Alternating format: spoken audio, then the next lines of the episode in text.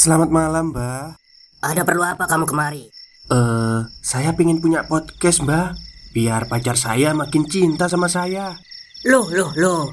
Mau bikin podcast kok tanya dukun? Sekarang kamu download aplikasi Anchor.fm. Di situ kamu bisa buat podcast gratis dan podcast kamu bisa didistribusikan ke platform mana pun. Dan di aplikasi atau website Anchor.fm juga terdapat fitur-fitur yang memudahkan kamu untuk membuat podcast. Oh, gitu ya, Mbak.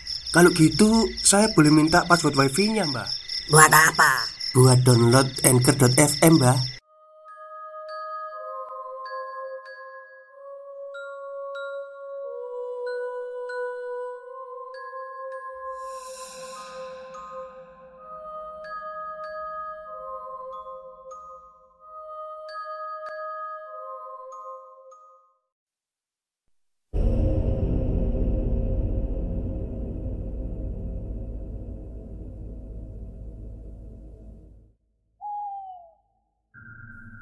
Assalamualaikum warahmatullahi wabarakatuh. Halo semuanya Jumpa lagi dengan saya Chow Sing Sing Kurator dari podcast Horror Night Story.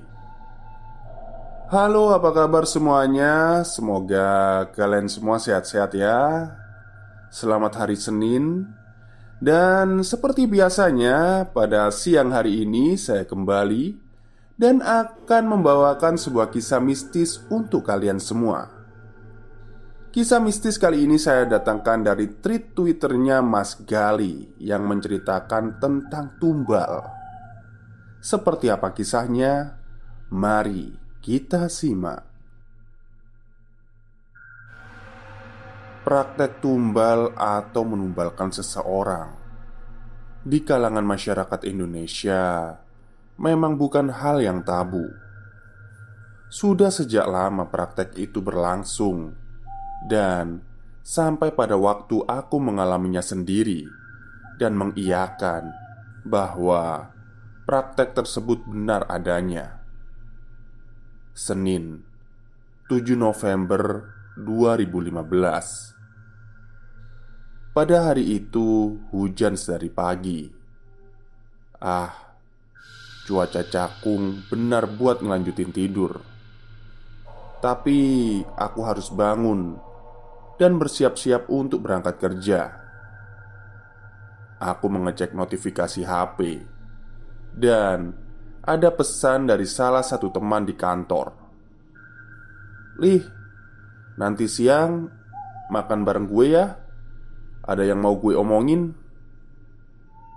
Lalu aku membalas pesan tersebut Iye Bor. Ada apa nih? Tumben ngajakin makan siang. Kagak ada apa-apa. Ntar siang gue tunggu ya Di mall. Ehm, Oke deh siap. Fadil Nama samaran. Teman satu kantor yang tadi mengirim pesan. Menurutku anaknya sedikit pendiam Agak misterius dan tidak banyak rekan kerja yang akrab dengannya. Dia berasal dari kota Sukabumi, Jawa Barat, dan kami sama-sama merantau di Tangerang.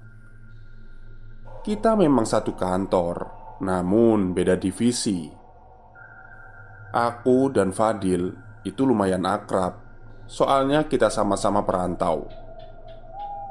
Hujan tak kunjung berhenti pada pagi itu Langitnya gelap banget. Pagi itu tampak kayak sore hari. Namun itu nggak mematahkan semangatku untuk kerja. Entah kenapa aku ngerasa bakal ada sesuatu yang terjadi. Ya, semacam firasat yang kurang baik. Di sepanjang perjalanan, aku mampir sebentar ke sebuah minimarket untuk membeli minuman dan sarapan. Di depan pintu minimarket, aku melihat ada kakek tua yang sedang menunggu hujan. Lalu aku menyapanya. "Lagi neduh ya, kek?" ujarku. Kakek itu hanya tersenyum, gak membalas atau merespon sapaanku. Lalu aku segera masuk ke minimarket. Aku mengambil minuman dan roti, lalu membayar di kasir.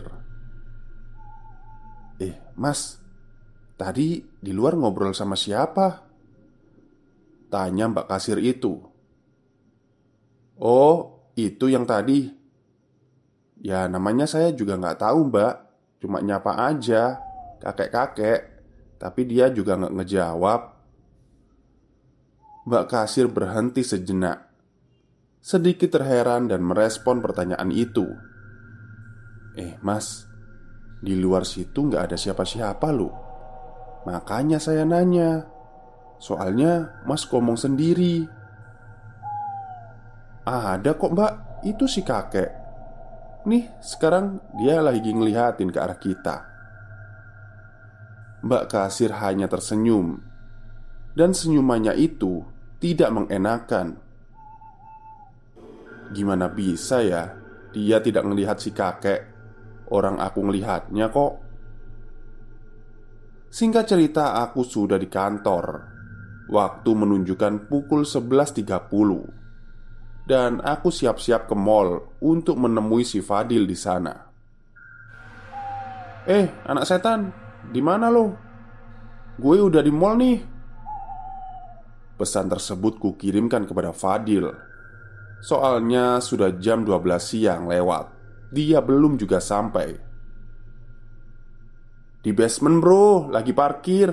Tunggu ya, di food court aja. Selang 10 menit Dia sampai di food court. Lalu kami terlebih dahulu memesan makanan. Eh, weekend ini temenin gue ya ke Sukabumi. Ada hal yang harus gue beresin Fadil memintaku untuk menemaninya ke Sukabumi Aku langsung mengiyakan ajakannya. Apa salahnya juga sekalian refreshing ke sana? Sabtu, 12 November 2015 Pagi. Kami sudah sampai di kota Sukabumi Pada pukul 4 subuh. FYI Bagi kalian yang belum pernah ke sana Wajib cobain Soalnya Udara di sana fresh dan adem dan kualitas air yang bagus. Fadil mengarahkan kendaraannya ke rute yang berbeda. Lah, kita nggak ke rumah lu, Dil? Fadil nggak ngerespon pertanyaan itu Dan aku nggak tahu ini kendaraan mau diarahin ke mana Soalnya mengarah ke sebuah tempat Yang belum pernah aku datengin Jalannya sempit Cuman muat untuk satu mobil dan berbatu Gue benci sama bokap Hah? Maksudnya gimana Dil? Sekali lagi Fadil gak merespon pertanyaan itu Dan mukanya nampak marah Kita sampai di sebuah rumah Gubuk Namun terawat dan jauh dari tetangga. Bahkan aku nggak ngelihat ada rumah lain selain rumah ini. Rumahnya terletak di lereng gunung gede Pangarong Pang... Pangrango. Kendaraan nggak bisa parkir di depan rumah dan kita memarkirkannya Di sebuah rumah penduduk Dan kita pun harus berjalan kaki Sekitar 2-4 kilo. Gak ada ojek ataupun transportasi lain. Aku penasaran itu sebenarnya rumah siapa Dan kita mau ngapain di rumah itu. Aduh, Dil Yang bener aja nih. Ngapain kita di sini? Gue balik dah kalau gini caranya Alah Temenin gue, Li Ini hal penting yang harus gue selesaiin Fadil kemudian mengetok sebuah pintu gubuk itu beberapa kali. Lalu muncullah sosok nenek tua memakai kemben, sarung, dan berambut putih panjang. Dia mempersilahkan kami masuk. Aku nggak nemuin keanehan sama nenek tua itu. Mungkin dia memang neneknya Fadil, pikirku. Lalu kami duduk dan si nenek menghidangkan teh manis hangat serta beberapa makanan untuk sarapan. Ketika sedang asyik menikmati jamuan, Fadil mengajak nenek itu ke ruang tengah rumah. Aku sempat bingung, namun gak mempedulikan hal itu. Setelah itu, Fadil dan nenek tua itu kembali ke ruang tamu. Dia hanya tersenyum dan lalu berkata kepadaku, "Kamu ndak usah bebawaan kalau ke sini." Hah? Bebawaan? Maksudnya gimana itu? Aku nggak ngerti sama sekali Bebawaan gimana nek maksudnya? Saya kurang paham Nenek itu hanya tersenyum Dan ketika aku fokus ngelihat ke arah dia Lalu muncul banyak sosok di belakangnya Damn Aku terjebak di dalam situasi yang gak pernah aku pikirkan sebelumnya. Sosok pertama yang kulihat adalah genruwo, tinggi besar bertaring, dan menatap ke arahku. Badanku saat itu menjadi lemas, mual, dan aku coba untuk menahannya. Tapi aku gak bisa nahan buat muntah. Aku minta izin ke kamar mandi lalu muntah. Dan kalian tahu apa yang aku lihat di kamar nenek itu? Ada sesajen Ya, sesajen Banyak sesajen di kamarnya Jadi Kamarnya itu hanya ditutupi sama gorden Saat itu gordennya terbuka. Aku dapat nyimpulin bahwa nenek tua itu adalah seorang dukun. Eh, Dil. Yang bener dong. Lu ngajak gue ke tempat ginian. Kita harus cabut dari tempat ini. Pesan itu kukirimkan kepada Fadil. Namun dia nggak membaca pesan itu. Dan aku baru sadar Bahwa di tempat itu nggak ada sinyal. Saat itu aku benar-benar terjebak Dan nggak tahu harus gimana. Sabtu 12 November 2016 Malam. Jam 7 malam suasana semakin sepi.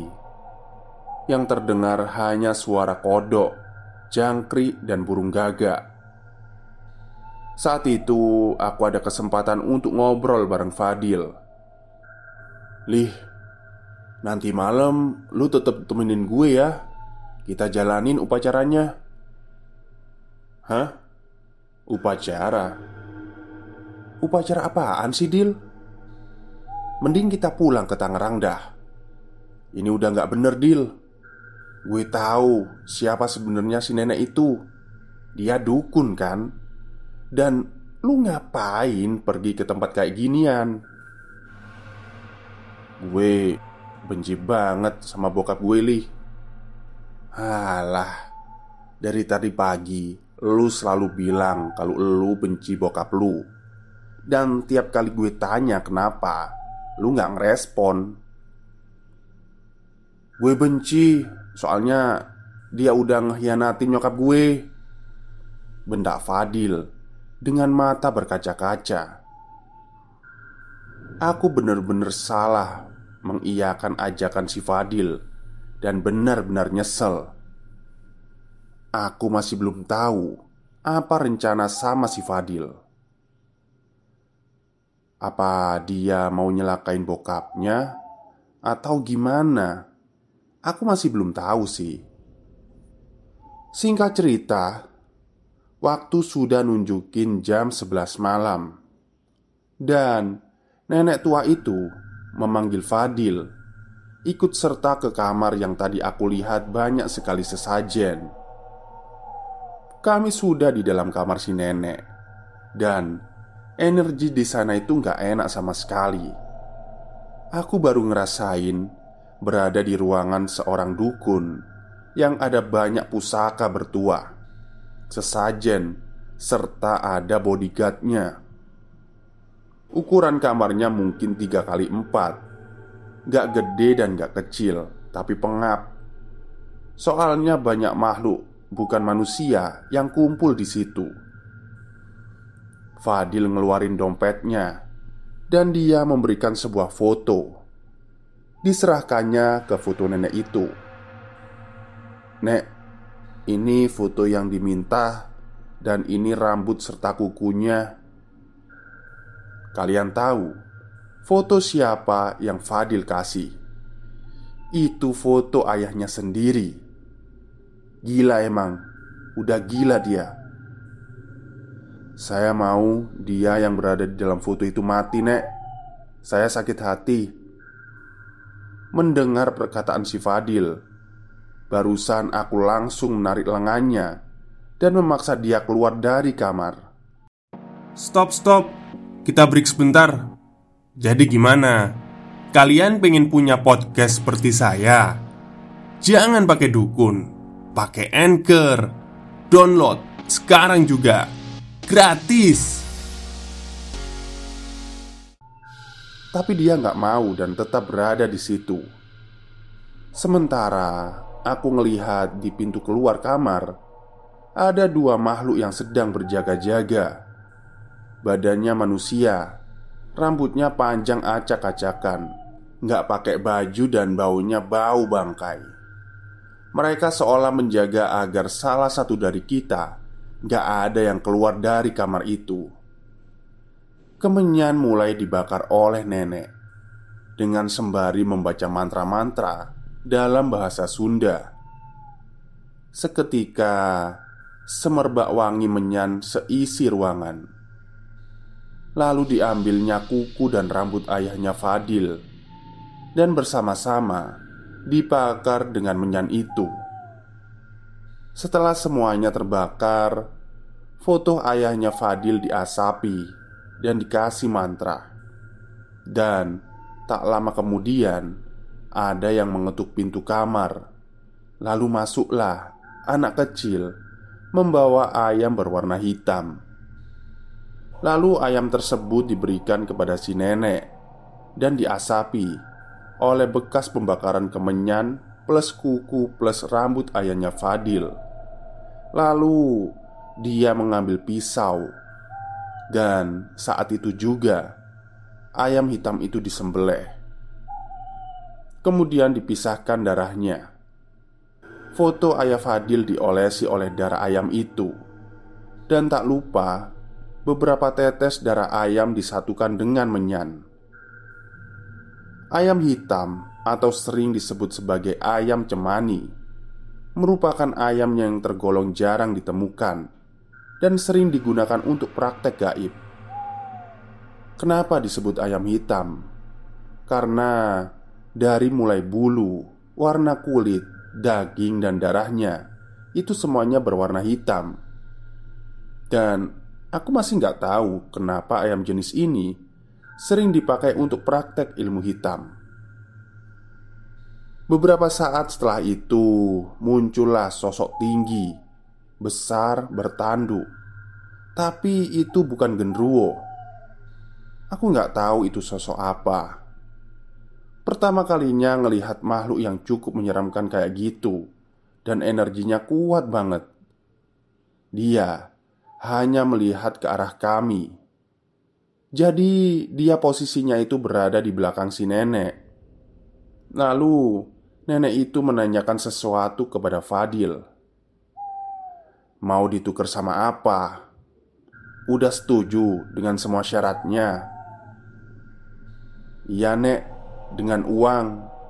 Saya siap dengan segala konsekuensinya. Nenek itu tersenyum dengan sangat picik Melihat ke arahku. Mendengar ucapan si Fadil Aku nekat keluar kamar. Udah gak peduli sama makhluk gede yang berjaga di depan pintu.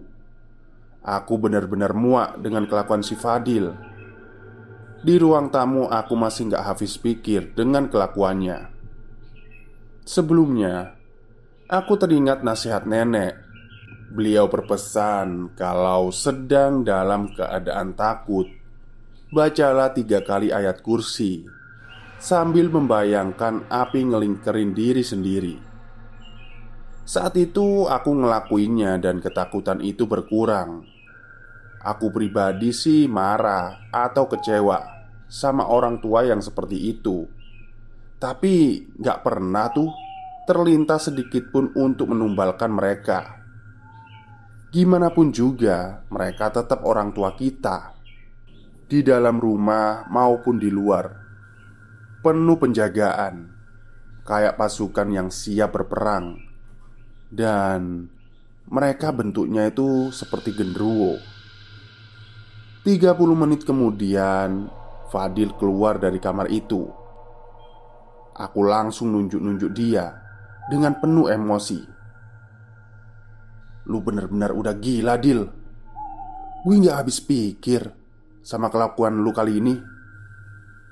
Gimana bisa sih lu numbalin bokap lu sendiri? Itu bokap lu. Fadil membalas perkataanku dengan nada yang tinggi dan kata-kata yang gak enak. Aku cuma bisa geleng-geleng melihat kelakuannya. Gak ada orang di sekitar rumah. Sinyal HP pun gak ada. Gelap, sepi, dan di depan banyak sekali genruwo. Pada malam itu, aku gak bisa tidur sama sekali. Aku cuma ingin sesegera mungkin pergi dari sini, dan kemudian setelah adzan subuh, aku memberanikan diri untuk keluar. Soalnya, genderuwo-genderuwo itu sudah nggak ada. Di tengah keadaan lereng gunung yang gelap, dingin, dan sepi, aku memberanikan diri lari secepat mungkin menjauh dari rumah nenek itu. Aku nggak peduli dengan pocong kuntilanak yang nampakin diri saat aku lari. Yang ada di pikiranku saat itu adalah aku harus menjauh dari rumah itu. Walaupun aku nggak tahu jalan yang aku pilih itu jalan yang benar, yang menuju ke pemukiman atau mungkin ke tengah hutan. Aku terus berlari sebisa mungkin Sempat jatuh juga karena gelap Dan kaki nendang-nendang bebatuan Rasanya tuh, aduh benar-benar susah untuk diungkapin dengan kata-kata. Mau nangis udah nangis. Mau minta tolong tapi ya ke siapa? Sementara di samping banyak banget yang ngelihatin. Keadaan udah mulai tenang dan terang. Jalan yang bebatuan tadi jelas aku bisa lihat dan aku lanjut lari. Kemudian aku nemuin motor terparkir di pinggir jalan.